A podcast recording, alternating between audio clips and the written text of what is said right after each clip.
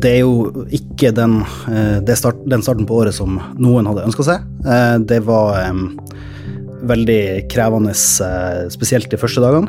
Mye usikkerhet, spesielt blant de ansatte. Og, og også blant oss som, som satt i, sitt i konsernledelsen og var tett, tett på det. It's a disgrace And I think they ought to apologize to start with. Dominere mediebildet. A failing media. Pile of garbage. False and fake, fake, fake, fake, fake, fake. Han trekkes fram som et eh, stjerneskudd internasjonalt, har allerede en imponerende CV og leder en nyhetsoperasjon i en av de landets største mediekonsern, og er bare 30 år. Nå står han i en rekke kriser som må håndteres på løpende bånd. Velkommen til pressepoden i Medie24, nyhetsdirektør Jostein Larsen Østring i Amedia. Tusen takk. Amedia står i krise etter krise og om dagen. Hackerangrep, skandalen i Nidaros og selvsagt også pandemi. Det og masse annet og journalistikk skal vi snakke mer om etter noen ord fra våre annonsører. Pressepodden sponses av fagpressen og 232 medlemsmedier med høykvalitetsinnhold. Finn mediene som brenner for det samme som deg på fagpressen.no utvalg. Jostein, eh, er du blitt god på å håndtere krisa? Nei, det får andre, andre vurdere. Eh, men eh, det, vi står jo i hvert fall i én akkurat nå, og det, det, det er en litt annen type hverdag enn enn den vanlige hverdagen, kan du si. Jeg skjønner at du vi skal ikke gå i dybden på det, men litt sånn overordna sett. Dere er jo under et hackerangrep, eh, som vi sier på litt sånn tabloide eh, måte. Eh, hvordan har du opplevd det fra din side? Nei, eh, det er jo ikke den, eh, start, den starten på året som noen hadde ønska seg. Eh, det var veldig krevende, spesielt de første dagene. Mye usikkerhet, spesielt blant de ansatte. Og og også blant oss som, som satt eh, i, sitter i konsernledelsen og var tett, tett, på det. Eh, og så har vi nok fått bedre og bedre kontroll og forståelse eh, og kunnskap, eh, heldigvis ganske raskt, da. Så nå har vi jo eh, Situasjonen nå er jo at vi har vi har jobba med den det sikkerhetsaspektet. Det er det andre hos oss som tar hånd om. Eh, fra mitt ståsted så har jo en viktig, en viktig, jobb var jo å sørge for at vi kom ut på papir så raskt som mulig. Så det svidde jo eh, som utgiver at de færreste avisene våre kom ut i, i to døgn.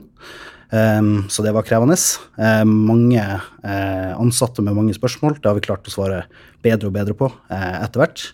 Um, og så opplever jeg faktisk akkurat nå når vi møtes, at det er en ganske en litt sånn positiv mobilisering også. Eh, mange, altså Ute i redaksjonene er det mange som gjør en helt sinnssyk jobb eh, for å eh, klare å, eh, å, komme ut. Det gjøres, jobbes på en annen måte, eh, og eh, folk får det til. Det drives masse morsom innovasjon. noen i, i Finnmark har jobba litt ekstra med den løsninga nødløsninga vår, sånn at det går plutselig veldig raskt å lage, lage papiravis, og det, det, lærer de andre av. Um, og generelt så, uh, så er det på en måte brukbar stemning. Vi kom jo også ut med en uh, nødløsning for abonnementssalg. Vi selger ikke ekte abonnement, men vi selger eh, prøvetilganger. Og der har vi jo i skrivende stund 50 000 brukere som har kommet inn på en uke. Så eh, vi får se. Kanskje det kommer noe ut av en, en, krise også. Men først og fremst en alvorlig situasjon. En krise er også en mulighet, eh, har vi hørt. Altså, du, du, snakker om det, det her papiravisene. Nettavisene har jo gått mer eller mindre som, som, normalt. Men aviser som har kommet ut hver eneste gang siden krigen, kanskje enda tidligere igjen, på en måte ikke fikk stå i det. Kan du dra oss med litt sånn på innsida, hvordan håndterer dere som konsern konsern et sånn type angrep eh, som, som dere har gjort? da? Først og fremst så gjelder det jo å kommunisere mye og ofte eh, med alt eh, det man vet. Um, de dagene det her var snakk om, så møttes redaktørene, og da snakker vi alle redaktører pluss flere andre, flere ganger om dagen til møter med status, med hva slags systemer tar dere i bruk nå, osv. Så, videre.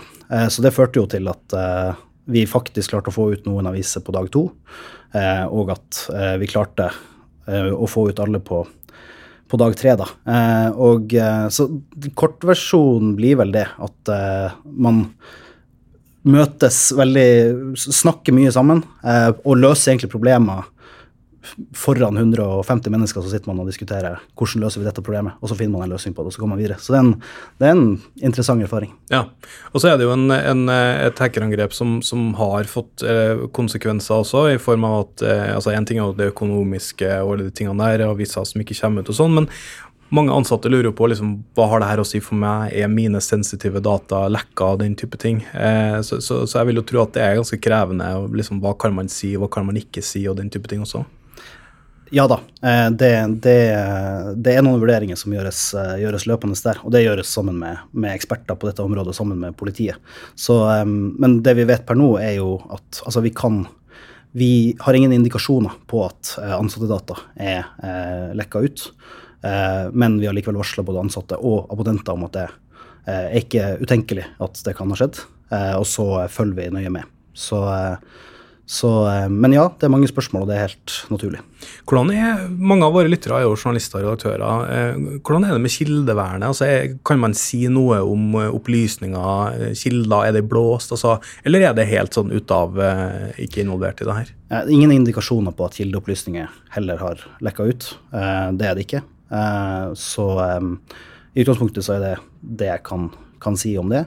Eh, og mailsystemet og den type ting har vært trygg eh, hele veien. Og så vet jo de fleste journalister at skal man være helt sikker, så bør man bruke krypterte systemer, signal og den type ting hvis man skal kommunisere med kilder som ikke, som, ikke skal lekke ut. Ja, og kanskje ikke helt sikker da heller.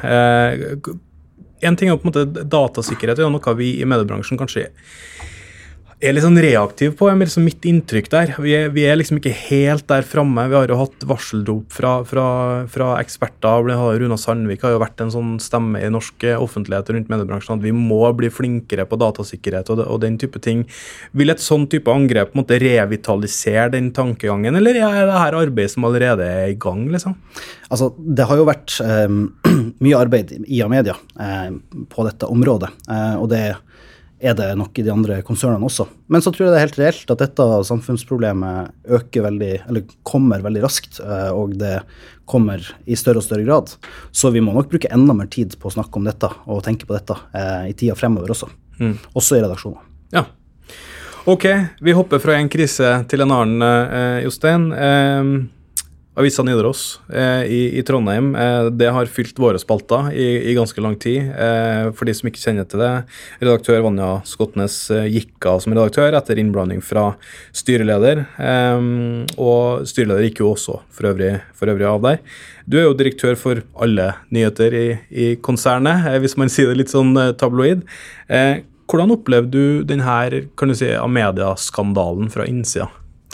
Jeg tror det, først og fremst vil jeg si at der eh, skjedde det en, eh, en feil, eh, og den erkjente vi og tok konsekvensen av den. Og så, og uten å gå for mye inn i på en måte selve Nidaros-saken, så tror jeg det jeg også kan si at det bidro til at det ble mye debatt eksternt. Der jobba vi med å svare på spørsmålene. Og så ble det en del tilbakemelding internt også. Og ikke nødvendigvis direkte på den eh, dimensjonen med styreleder og, og redaktør, men, men, også på andre eh, typer ting. Så det er mange som brukte anledninga til å si fra. Så da tok vi jo bl.a. inn eh, Vi brukte jo anledninga til å lære av det. Eh, Snakka med redaktørene våre.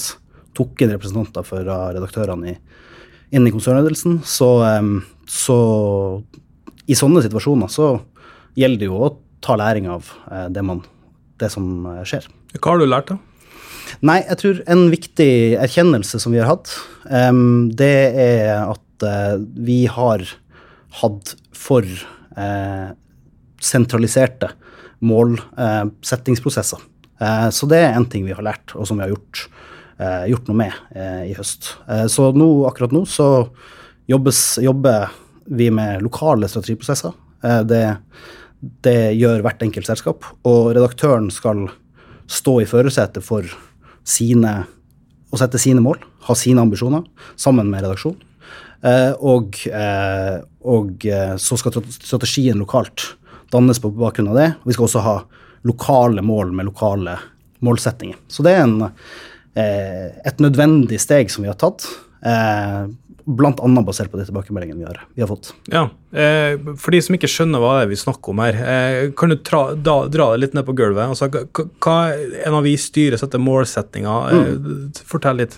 Altså Man kan jo begynne med at en avis er jo først og fremst til for å eh, gjøre noe med verden rundt seg. Eh, og typisk for en lokalavis så prøver man å skape et bedre lokalsamfunn der man kommer ut. Og det finnes ulike måter å si det på. I Bergen sier man at man, Bergensavisen skal gjøre Bergen til en bedre by. Og andre har andre eh, innfallsvinkler på det. Men, men det er jo det vi skal oppnå her. Og så er journalistikken virkemidlet eh, for å oppnå det, eller viktigste virkemidlet. Um, og så, men under det, for å på en måte klare å ivareta journalistikken, så er vi nødt til å ha noen eh, målsetninger. Og den aller største risikoen for journalistikken er at man ikke klarer å finansiere journalistikken. Og der eh, kjenner vi jo alle historikken rundt eh, at i 2014 så kutta media 500 millioner. Forsvant masse journalister. Siden så har man jobba med eh, digitale abonnement og digitale inntekter også på annonsesida som noen av de viktigste tingene man skal, man skal oppnå. Så eh, abonnementsutvikling er kjempeviktig for alle aviser, og vi står fortsatt i en situasjon der det er viktig i årene fremover. Vi er langt, på, vi er langt unna å være ferdig med den reisa. Og da forholder man seg til, til noen mål som, som skal bidra til at eh, finansieringa eh, kommer i stadig større grad digitalt. Ja, og Du har jo vært sentral i å bygge opp de her målsettingene. sant? Jeg husker vi laga en sak eh, sammen eh, for ja, fire-fem år siden, hva det var for noe, når du hadde analysert 12 700 artikler og funnet ut liksom, hva, hva er det folk har lyst til å kjøpe, hva er det de ikke er interessert i, hvordan må vi endre kulturjournalistikken for å gjøre den relevant. Og Ut ifra det så laga dere jo noen målstyringsverktøy eh, som må- må på en måte ligger over alle avisene i Amedia-systemet. Så det er en erkjennelse nå da, om at alle one size fits all, det funket, liksom? Nei, eh, og så tror jeg den eh, La oss si det sånn, da. Noen ting er likt overalt. Eh, For eksempel så er det viktig å engasjere leserne dine. Det, det er viktig for alle aviser. Så det er ikke sånn at en avis skal slutte å følge med på abonnementstallet, og en annen ting skal slutte å følge med på om abonnentene leser. Så noen ting vil nok fortsatt være likt, eh, men eh, man skal både ha større påvirkning for hva som er ambisjonene på disse områdene, områdene eh, og, man, eh, og lokal, en lokalavis kan også ha helt eksplisitte mål. Vi skal bli gode på lyd. Vi skal vinne denne kommunen, nummer to-kommunen, skal vi bli langt sterkere i. Og da må vi klare å både eh, anerkjenne det gjennom at det er mål som synes i dashbordet, at man kan følge med på hvordan det går hver dag, og at det er noe man snakker om i eh, alle møtepunkter med, med styret og med, med konsern. Mm. Så det er noe av det vi, vi justerer på. Så det er jo, men det er ikke sånn at abonnement plutselig har slutta å være viktig for alle. Men noen sånne typer justeringer eh, gjør vi. Du har jo vært sentral i å bygge opp det her. Eh, Jeg husker jo jeg møtte deg og da Mari Velsand, som var sjefen din, og hun Medietilsynet. Dere eh, og, og høsta mye skryt for det, den jobben som er gjort. Eh, Så jeg tror vi alle sammen kjenner til fordelen med målstyring og KPI og de tingene der, men kan du også peke på noen utfordringer? Ja, ja, absolutt. Og det, og det tror jeg er, liksom, det er viktig å snakke om um, i hver enkelt redaksjon. Uh, og det går jo på at uh, man følger med på noen måltall. Eh, typisk hvor mange som leser oss, eh, hvor mange saker har vi i dag eh, som er godt lest osv. Eh, og det gjør du fordi at det peker mot noen mål som peker mot noen større mål. Så vi skal, og, men det som fort kan ende opp med å skje, det er at tallet blir selve målet. Og da kan du finne på da, altså, da kan man ende opp med å gjøre ting som ikke er riktig eller rasjonelt. Og det kan, altså Et eksempel fra mediebransjen er, som jeg synes er veldig klassisk, det er at man lager titler som alle ser er litt sånn på kanten, eller som har helt eh, bestemt er konstruert for at flest mulig skal tvinge seg selv til å klikke på den. Eh, og det tror ikke jeg er en eh, i, mange, altså, I mange tilfeller det, er det ikke noe som tjener noen verdi på sikt, men der og da får du liksom Du ser at eh, det beveger seg i, i dashbordet ditt. Og det er en sånn typisk, en sånn typisk eh, fallgruve. Og så tror jeg generelt at som ledere så må man snakke om journalistikken og det store oppdraget, og hvorfor, disse, hvorfor henger disse tingene sammen. Hvis man kun snakker om tall, så blir ikke journalister eh, spesielt motivert. Nei. Eh, og, og, man har jo fått kritikk for de her målstyringsverktøyene også, at man blir for, eh, for på en måte avhengig av å følge dem i hverdagen og den type ting. Eh, og, og, så fikk vi jo Nidaros-caset, eh, hvor, hvor, det kom ut noen sitater om liksom, rundkjøringer og, og sex, og vi må skrive mer om det for å på en måte nå disse tallene. Det er vel kanskje å sette veldig på spissen, men for unge redaktører i Amedia-systemet som kanskje ikke har den derre som er opptatt av karriere og ønsker å komme videre og ønsker å oppnå de tallene her, eh, ser du at det er en utfordring?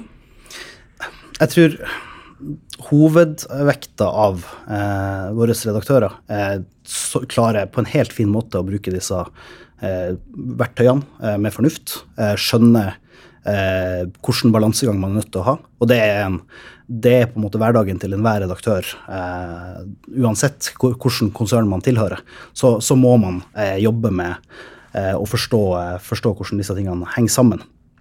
Um, generelt så vil jeg jo også si at det er jo ikke sånn at eh, analy noen analyser viser at enten så er du en kommersiell redaktør, og så driver du med ting som ikke er viktig eller interessant. Sex og rundkjøringer? Ja. ja, nei, altså det som Det som eh, i stor grad Altså, når, hvis du går til Avisa Nordland, eller hvis du går til Fredrikstad Blad, eller hvis du går til Avisa Oslo og sjekker hva slags saker har hatt størst leseroppslutning og solgt flest abonnement de siste månedene, så finner du eh, undersøkende journalistikk og eh, avsløringer eh, som, som, ligger øverst på de listene. Så, så, det er liksom det én-til-én-forholdet der, det, um, det, det, er nok i noen grad uh, konstruert, altså. Mm. Men, men uh, har konstruktiv eller gravende journalistikk eller undersøkende journalistikk vært en del av KPI-ene? Egentlig så har ingen Altså, måltallene våre har aldri vært sånn at vi har sagt at du bør drive med en viss type journalistikk. De målene vi har satt, har vært uh, publikumsorientert, og i noen grad handler om at man må ha en bredde i miksen. altså at det, det holder ikke å du er, du er nødt til å ha en viss mengde innhold en viss mengde journalistikk hver dag hvis du skal klare å eh, appellere til, til, leserne. Så svaret på det er jo at i målene og måltallene så har vi på en måte vært agnostisk for hva slags journalistikk man lager, eh, så lenge det bidrar til at, eh, til at eh, leserne eh, blir engasjert. Men så vil jeg legge til at på andre områder så snakker vi om disse tingene. Eh, vi har helt siden media ble starta, delt ut redaksjonelle priser hvert år for undersøkende journalistikk for fremragende journalistikk, som på en måte ikke nødvendigvis er metoden som, eh, som definerer eh, det, for lyd og bilder. For dem som har klart å skape en tett samhandling med sitt lokalsamfunn. Så vi eh, har jo hele tida stått på at det er viktig for oss som konsern å insentivere til. Og så tror jeg nok likevel at det har vi snakka mer om det siste året. Også fordi redaktørene har etterspurt det. Ja, for det er jo en ting som, eh, som har eh, Hvis man har lest med 24 siste året, så har jo det kommet fram i, i spaltene at redaktører har ment at eh, at eh, man har hatt et behov eller et ønske for å bruke mer tid. For det er en ting jo på en måte når du ser på KPI-tallene hele tida eh, og, og, bruker masse tid på å jakte disse eh, Ja, nå må vi ha eiendom, nå må vi ha ditten, og så må vi ha datten. Så går jo det på bekostning av noe annet. Hvis du hele tida jakter de KPI-ene, har du da tida eller ressurser til å sitte med den gravesaken om hva ordføreren egentlig sa i det lukka møtet og de type tingene der. Så det får jo konsekvenser når du måler bare det ene og ikke det andre.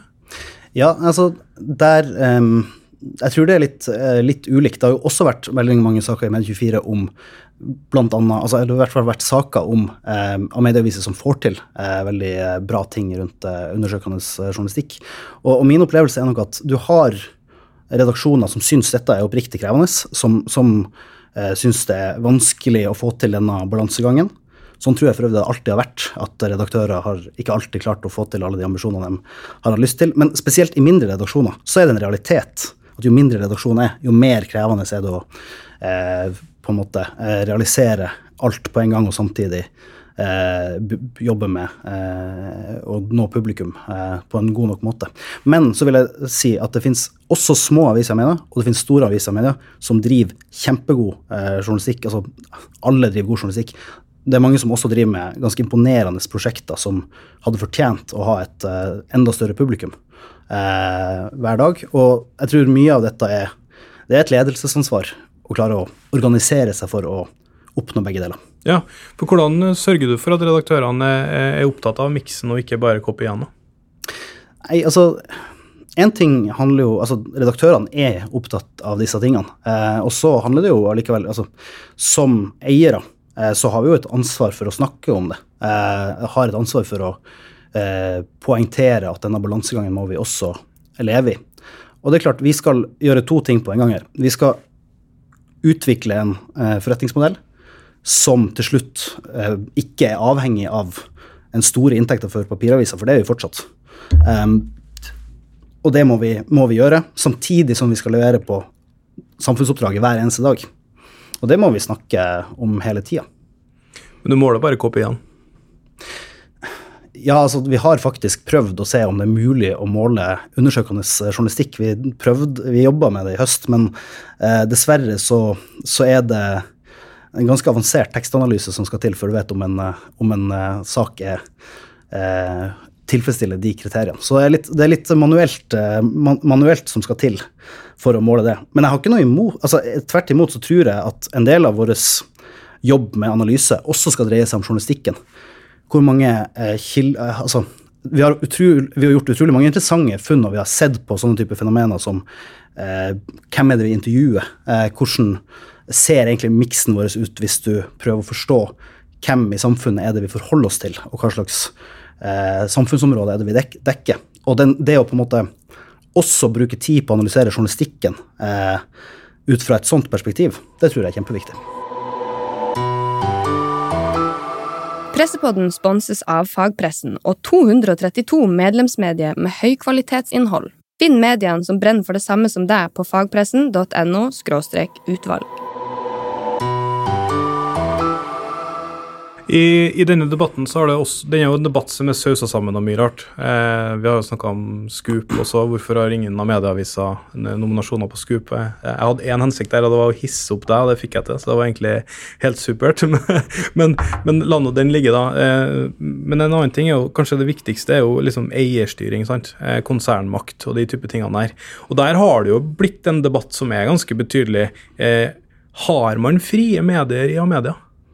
Ja, absolutt. Det, det, må jeg bare si. Det har vi. Eh, og det, hvis du spør redaktørene våre, så vil de eh, svare, svare, på det. Eh, det. det. tror jeg virkelig. Eh, at det er ikke sånn at det sitter eh, folk, verken styreledere eller innholdsutviklere, og gjør forsøk på å befale hva en redaktør skal skrive i Amedia. Så har du eh, likevel så er det likevel sånn at du er nødt til å jobbe med utviklinga til avisa. Du er nødt, altså Eh, hvis det går eh, dårlig over lang tid, så må man eh, forsøke å gjøre noe med det. Og da er det også som redaktør man sitter med eh, ansvaret for å gjøre de tingene. Eh, og så har du innholdsutvikling, eh, som vi har i Amedia, som er et støtteapparat som man kan henvende seg til. Og i all hovedsak så fungerer det sånn at de folkene som jobber med analyse på vegne av avisene, de er overlessa med oppdrag fordi redaktørene ønsker masse hjelp og støtte og bistand til å analysere ulike ting. Så eh, jeg tror nok at eh, det, det, der, det, bildet er ganske nyansert hvis man snakker med, med redaktørene, og jeg tror nok at redaktørene våre føler seg fri. Ja, det er jo en undersøkelse fra, som ble gjort eh, ved Norsk redaktørforening som ble presentert her, som, som, viser at Og det var jo ikke bare av media, det var jo på en måte eh, respondenter. Jeg tror det var 100 redaktører som svarte. noe sånt, hvor, hvor eh, Hvis jeg ikke husker helt feil, jeg tror det var sånn 17% av norske redaktører opplever i, i, i, noen eller i stor grad at eieren, eierne på en måte blander seg inn på en eller annen måte vi, kan vi være for happy med det som bransje? At det er liksom på det nivået der? Nei, vi må, vi må klare å, um, å, få plassert disse tingene uh, rundt hvordan, hvordan skal det være. Jeg tror Noe av det, det, du ser i denne undersøkelsen, kan også handle om sånne ting som målstyring. Uh, og der uh, har vi gjort et grep nå rundt at det skal være lokale strategiprosesser som, som ligger til grunn for den enkelte avis sin, sin strategi, for den enkelte avis sine mål. Og det håper jo jeg vil bidra til at i hvert fall hos oss at redaktørene kjenner eh, på eh, at de i enda større grad sitter med definisjonsmakta på hva som er eh, sin avis sine viktigste satsinger eh, fremover. Hvilket ansvar har du for alt det som har skjedd her nå, du som har vært med å bygge opp de her KPI-biten og alt det der? Masse. Ansvar for uh, veldig mye av det. Uh, og det, det, tar jeg, og det er jeg komfortabel med å ha. Ja. Hva, hva, men, men hvis du på en måte oppsummerer alle disse krisene og alt du har stått i på en måte, altså en, Jeg tror de aller fleste har fått med seg at den jobben dere har gjort, har gjort konsernet bedre eh, og, og, skapt nye inntektsstrømmer. Og Den store spøkelset her, som, som, mange ikke snakker om, er jo at mellom seks og sju av ti kroner er, er fortsatt knytta til papir, mm. og leserne dør. Så enkelt er det. Mm. Eh, så, så, så, alle på en måte skjønner jo den fordelen her, men, men ulempen, 17% alle de tingene der, det får deg jo til å tenke litt, da. Ja, så det, det, er jo ikke sånn at Hadde verden vært veldig enkel, så, så hadde det jo vært eh, kanskje ikke vært så, så, spennende å jobbe med disse tingene. Eh, altså, Mitt perspektiv på akkurat det her det er at nå har vi hatt en forretningsmodell i 200 år. Papir. Vi har egentlig vært eksperter på det produktet og eh, lange eh, tradisjoner for hvordan vi driver med det. Og så tar det noen år, og plutselig de siste seks-syv årene, så har vi drevet med egentlig noe som er fundamentalt ganske annerledes eh, å jobbe mot digitale flater. Det vil si journalistikken er fortsatt den samme, prinsippene er fortsatt de samme, men det er mange ting man skal bygge opp fra, fra bunnen nå. Eh, og da tror jeg det er helt sånn, en helt ærlig sak å si at eh, da skal man lære underveis. De tingene vi gjorde i 2016, er ikke nødvendigvis riktig i 2021, men det var de beste svarene vi hadde da. Og jeg er helt sikker på at den læringa vil skje, skje, fremover også. Og det gjelder sånne ting som målstyring og hvordan man jobber med den type ting. Det gjelder også produktutviklinga, det gjelder hvordan journalistikken ser ut. Veldig mye kommer til å forandre seg de neste årene også, og vi er egentlig bare i startgropa når det kommer til veldig mange av disse spørsmålene. Ja, for det er ikke veldig lenge siden Bussit eh, i, i Nordlys, for de som husker det, eh, og, og fram til man står her i, i, i dag. Hva tror du vil på en måte prege journalistikken i, i årene framover. Hva ønsker du gjennom din rolle som nyhetsdirektør? Nei, det vi, altså For det første så tror jeg en altså, skikkelig eh, troverdig, eh, faktabasert journalistikk det kommer aldri til å gå av moten. Og det er kjempeviktig å jobbe med også eh, den troverdigheten vår. Så noen ting kommer ikke til å endre seg så mye. Eh, det jeg tror eh, kommer til å eh, altså, Men det vi skal vi forstå, er jo at vi har jobba nå i noen år og lyktes godt med å rekruttere digitale abonnenter, men fortsatt er det en kjempestor jobb å gjøre. Og dem vi nå skal rekruttere fremover eh, som nye lesere og abonnenter, det er folk som har valgt oss bort eh, i eh, seks-sju år. Så for å gjøre det, så er man Altså, jeg tror på flere ting. For det første så tror jeg at vi skal forstå enda dypere hva som eh, engasjerer disse folkene, og hvordan det lar seg kombinere med, med, god journalistikk. Og noen sånne helt sånn og da tror jeg noen aha-opplevelser kommer rundt journalistikken. Et, et, morsomt eksempel vi har, er jo at når vi ser på noe så enkelt som kjønn, så er det store forskjeller eh, strukturelt på hvem vi intervjuer. Og det er også sånn at hvis du intervjuer kvinner, eller sånn overordna, det dette er nyansert, det også, men hvis, eh, hvis, du intervjuer kvinner, så ser du ofte at det appellerer til kvinner. Og det har nok ikke nødvendigvis med et ansikt å gjøre, men med noe med tema og perspektiv og den type ting. Og der er vi fortsatt, der har vi fortsatt eh, kommet kort i denne bransjen. Både til å måle dette, til å forstå det. Og sånn tror jeg det gjelder liksom Du må forstå hva slags publikum du skal nå, og så må du jobbe mye med å forstå hva er det som dem, dem trenger. Og det kan ofte være kjempeviktige ting. Skole, oppvekst, helse og omsorg. Det er to stoffområder som er veldig underdekt i eh, egentlig alle aviser, vil jeg si. Og her og nå i koronapandemien så ser vi hvor sentrale de samfunnsfunksjonene er, men vi har ikke dekt det systematisk i mange år. Så, så der, jeg tror det kommer til å skje mye med journalistikken, at vi kommer til å fortsette å forstå at skal vi nå ulike grupper, så må vi eh, bry oss mer om dem. Og så når det kommer til produktutvikling, så tror jeg vi skal eh, også det, det, går på det samme. Vi må være veldig brukerorientert. Vi snakker nå inn en podkast. Det ville vi ikke gjort for fem år siden. Det markedet har tidobla seg på veldig kort tid. Eh, så også på formater eh, kommer det til å skje mye, og i det hele tatt alt, alt som skjer med formidling av journalistikk, det har vi til hensikt å gjøre med ganske mye med i media. Eh, vi snakker jo om denne mediekrisen. Noen mener jo at vi er midt i den, andre mener at vi er på vei ut av den, noen mener at den så vidt har begynt. Hva, hva mener du? Hvor er vi igjen? Nei, altså Vi har kommet oss et godt stykke på vei, og vi har eh, identifisert noen ting som, som fungerer. Så vi, vi, er bedre stilt enn vi var for noen år siden. Men det er nok fortsatt sånn at de mest krevende årene kan fortsatt ligge foran oss.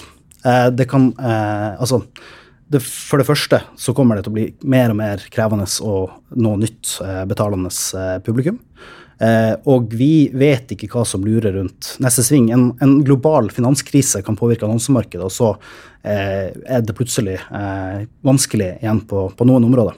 Så ehm, jeg tror vi er i en heldig posisjon at vi sitter med rattet og kan navigere. Vi skjønner litt omtrent hvilken vei vi skal, men det er fortsatt sånn at vi skal klatre opp en, bak, en del bakker og vet ikke helt nøyaktig hva som ligger foran oss. Vi, vi har sittet i en bil som har kjørt bakover, vi har ikke funnet rattet. Nå har vi funnet rattet, og så må vi finne ut hvor vi skal dra. Ja, det var et bilde jeg improviserte, men, men, eh, ja, du kan gjerne si det. en ting er jo på en måte eh, innovasjoner som dere jobber med. altså Jeg, jeg identifiserer en stor utfordring i mediebransjen, og særlig på makronivå, er jo at vi ikke når ut til unge folk. Mm. Uh, for vi, vi, er ikke, altså vi er reaktive. Vi bruker ikke de formatene de bruker.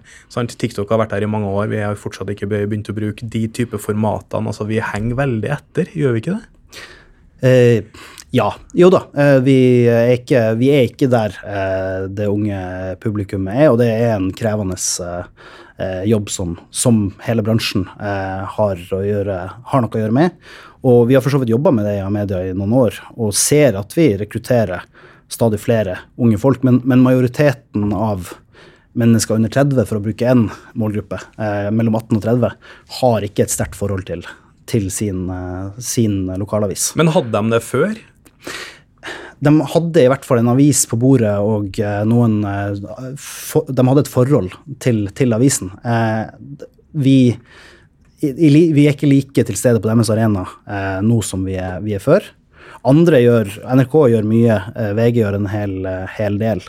Og så er jo spørsmålet hvordan vi klarer å dra dem inn som lesere, eh, enten på våre egne flate, eller i hvert fall at de har et regulært forhold, forhold til oss. da. Men, jeg, men jeg regner med at dere ikke sitter på sidelinja og ser på VG og Skipsted og NRK hvordan de gjør det. Hva, hva gjør dere av media for å nå ut til unge kids? Nei, Det første vi har gjort, er å altså Jeg tror dette med å eh, det, det, må starte med å forstå dem, og da må vi snakke mye mer med dem. Og vi må forstå egentlig dem som ikke bruker oss i dag. Dem burde vi bruke mye mer tid, og dem vil vi bruke mye mer tid på å forstå. For det som man typisk gjør eh, i enhver bransje, helt sikkert, men også i mediebransjen, er å se på hva det som fungerte i går, gjøre det litt bedre. Og det, det, drar oss videre, altså. Men vi må også forstå Men dem som ikke har et forhold til oss i det hele tatt, hva er det dem trenger? Og der kommer vi Vi starter der. Vi må starte med å forstå det, og så må vi eh, jobbe med ulike initiativer for å, for å, møte det. Jeg tror noe av det går rundt eh, formater, som du sier. Eh, noen ønsker å høre på ting. Levende bilder eh, har en kjempeviktig rolle å spille oppi det her. Eh, og så går det på produktutviklinga vår. Eh, hvordan kan vi utvikle tjenester som de er interessert i å, å velge å bruke. Kommer det noe Amedia Talk, eh, TikTok, eh, Kling Klang, eh, Instagram lignende? Altså, Jobber dere med noe format, eller er det kun liksom, analyse og altså, innhold, og ikke presentasjon? Jeg tror ikke jeg skal, Det kommer ting fra oss i årene som kommer. Jeg tror ikke jeg skal legge på bordet nøyaktig hva og nøyaktig når, men at vi kommer til å eh, jobbe med eh, ulike ting, eh, og at vi kommer til å lansere nye produkter. Det kan du være helt sikker på. Ja, for det det, Kan vi lese det som at det er en erkjennelse om at det vi har i dag, ikke funker godt nok opp imot de målgruppene?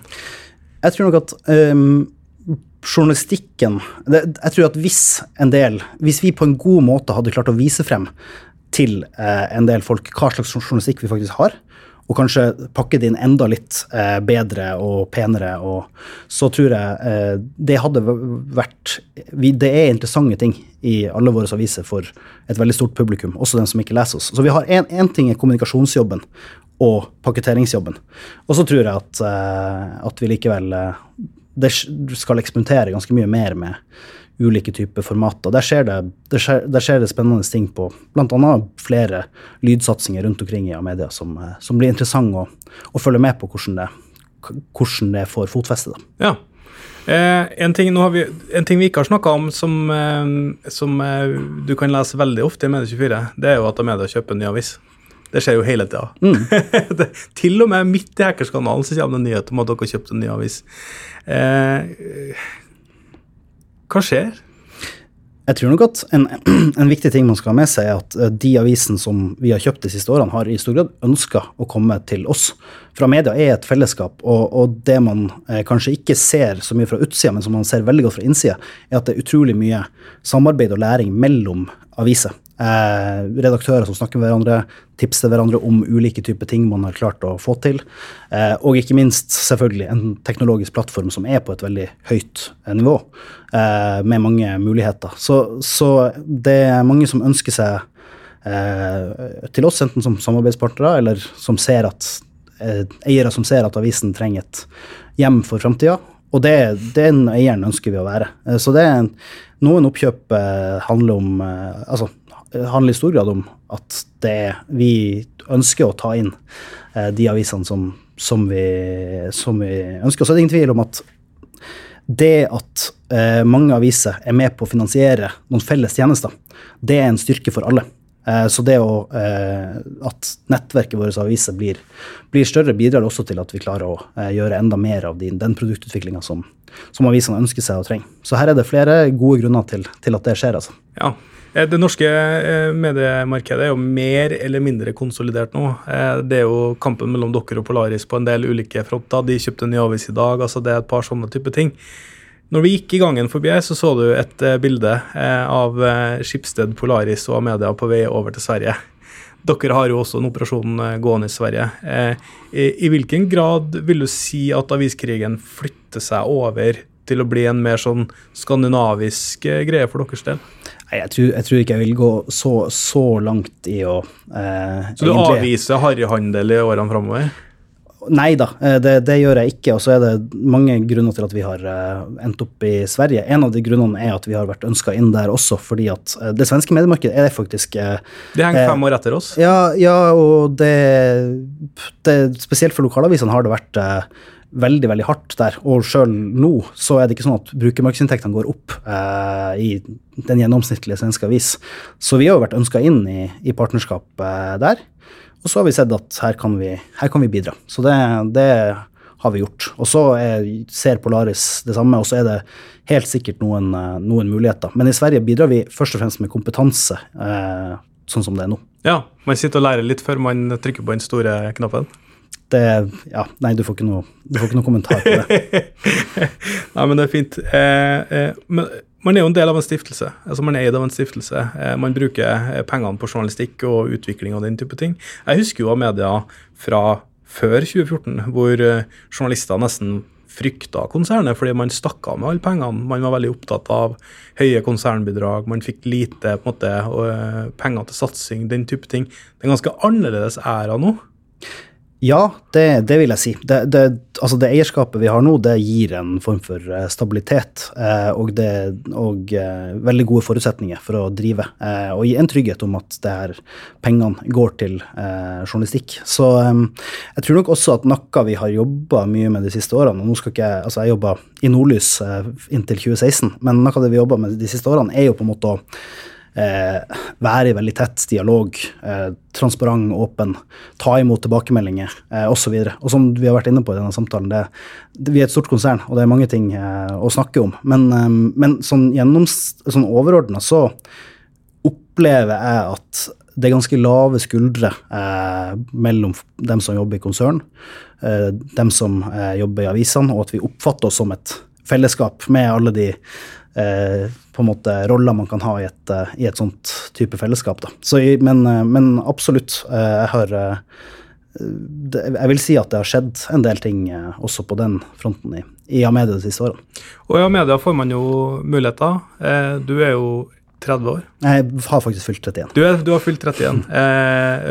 du er dratt fram av Inma som en av 30 under 30 å, å følge med på i, i årene framover.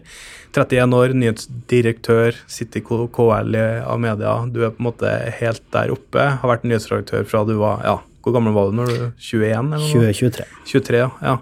Eh, det, mange vil jo si eh, wow. Ja, det, det, kanskje de gjør det. Eh, ja, Nei, det var ikke noe spørsmål eh, der. Nei, nei men altså, Du har jo hatt en imponerende karriere til å være så ung. Ja, det, det, kan, det, kan, du si. Og det, det, det um, Det jeg kanskje vil si om det, er jo at um, i de jobbene jeg har hatt, fra journalist til vaktsjef til nyhetsredaktør og inn i ulike lederroller i mediesystemet, så, så har jeg vært veldig heldig. Eh, folk har tort å satse, tatt den risikoen. Det gjorde eh, man i Nordlys når jeg fikk sjansen der. Det gjorde Mari Welsand i Amedia da hun ansatte meg i min første jobb der. Eh, og så har jeg forsøkt å gjøre de jobbene etter beste evne. Eh, og først og fremst konsentrert meg om å lære meg den jobben jeg til enhver tid har hatt. Eh, så, så, det er noe kortversjon eh, der. Men ja, Amedia har vært et eh, system som har gitt meg muligheter. Og, det, og jeg er i hvert fall opptatt av at vi skal være et system som også gir andre muligheter. Mm. Og så eh, har jeg hørt at du, eh, i hvert fall inntil for noen år tilbake, eh, ønsker Skal vi se. Det spørsmålet kan du ta på nytt. Jeg bare tar det. Jeg hopper. Ja, for jeg vet hva jeg skal si der. Så er det sikkert ja. Hallo? Hva er klokka egentlig? Den er fem på, nesten. Ja, da er Karianne tidlig ute, bare. Ok. Eh, jeg vet hva jeg skal si der. Eh, det er eh, muligheter. Skal vi se. I hvert fall for inntil noen år tilbake så husker jeg at du eh, jobba som journalist. Du var liksom sommervikar i de redaksjonene som du egentlig var, var, direktør for. Eh, eller da var du ikke direktør, men du satt jo på en måte i, i konsern. Eh, hvorfor gjorde du det egentlig? Nei, det handler vel om to ting. Eh, altså, Jeg har jo jobba i konsern siden 2016, eh, og så var jo det igjen eh, lederrolle som var ganske operativ eh, fram til, eh, fram til nylig. da. Men det er en risiko når man jobber i konsern, har kontor i Akersgata, for at man eh, glemmer litt hvordan ting fungerer. Eh, at man eh, lanserer strategier som viser seg å ikke være mulig å etterleve i redaksjonene. Og en viss følelse med hvordan livet er i en redaksjon, det får man hvis man drar ut og jobber der sjøl. Så i tre år så gjorde jeg det hver sommer. Jeg var i Nordlys, var i Romerikes Blad. Eh, og eh, ja, var journalist en uke. Og jeg skal innrømme at det var utrolig deilig. Jeg liker jo det veldig godt. Jeg savner du journalistikken når du liksom sitter der oppe i toppen og alt er makro og analyser og ditt og datt? Ja, svaret på det er jo ja. Altså, det er jo journalistikk jeg brenner for, og det å utøve journalistikk er jo eh, en utrolig altså Det er utrolig givende og utrolig morsomt. Og så skal ikke jeg likevel eh, Jeg skal ikke gå rundt og si at eh, det Jeg har det bra der jeg er nå også. Men du er ikke redd for å bli en sånn konsernbroiler? da? Du skal ikke ut og jobbe litt i avis igjen på noe tidspunkt? Nei, akkurat nå så Det ene er at det, er nok, nok å gjøre. Og det, i tillegg så tror jeg med den rollen jeg har nå, så det skjer noe i en redaksjon hvis, eh, hvis en fra konsernledelsen setter seg på, på, desken en uke. Så jeg tenker meg litt mer om nå, i hvert fall, før jeg, før jeg eventuelt gjør det igjen. Spennende. Det blir uansett eh, morsomt å følge eh, karrieren din og den neste krisen som du og Amedia må håndtere. Takk for at du stilte opp i Pressepodden, nyhetsdirektør Jostein Larsen Østring i Amedia. Tusen takk. Ansvarlig redaktør er undertegnede Erik Vatland, teknisk ansvarlig Sebastian Manrikes. Vi høres plutselig.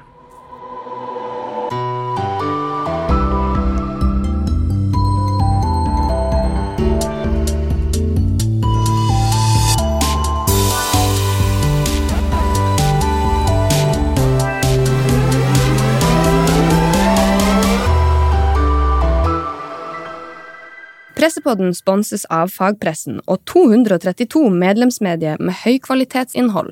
Finn mediene som brenner for det samme som deg på fagpressen.no – utvalg.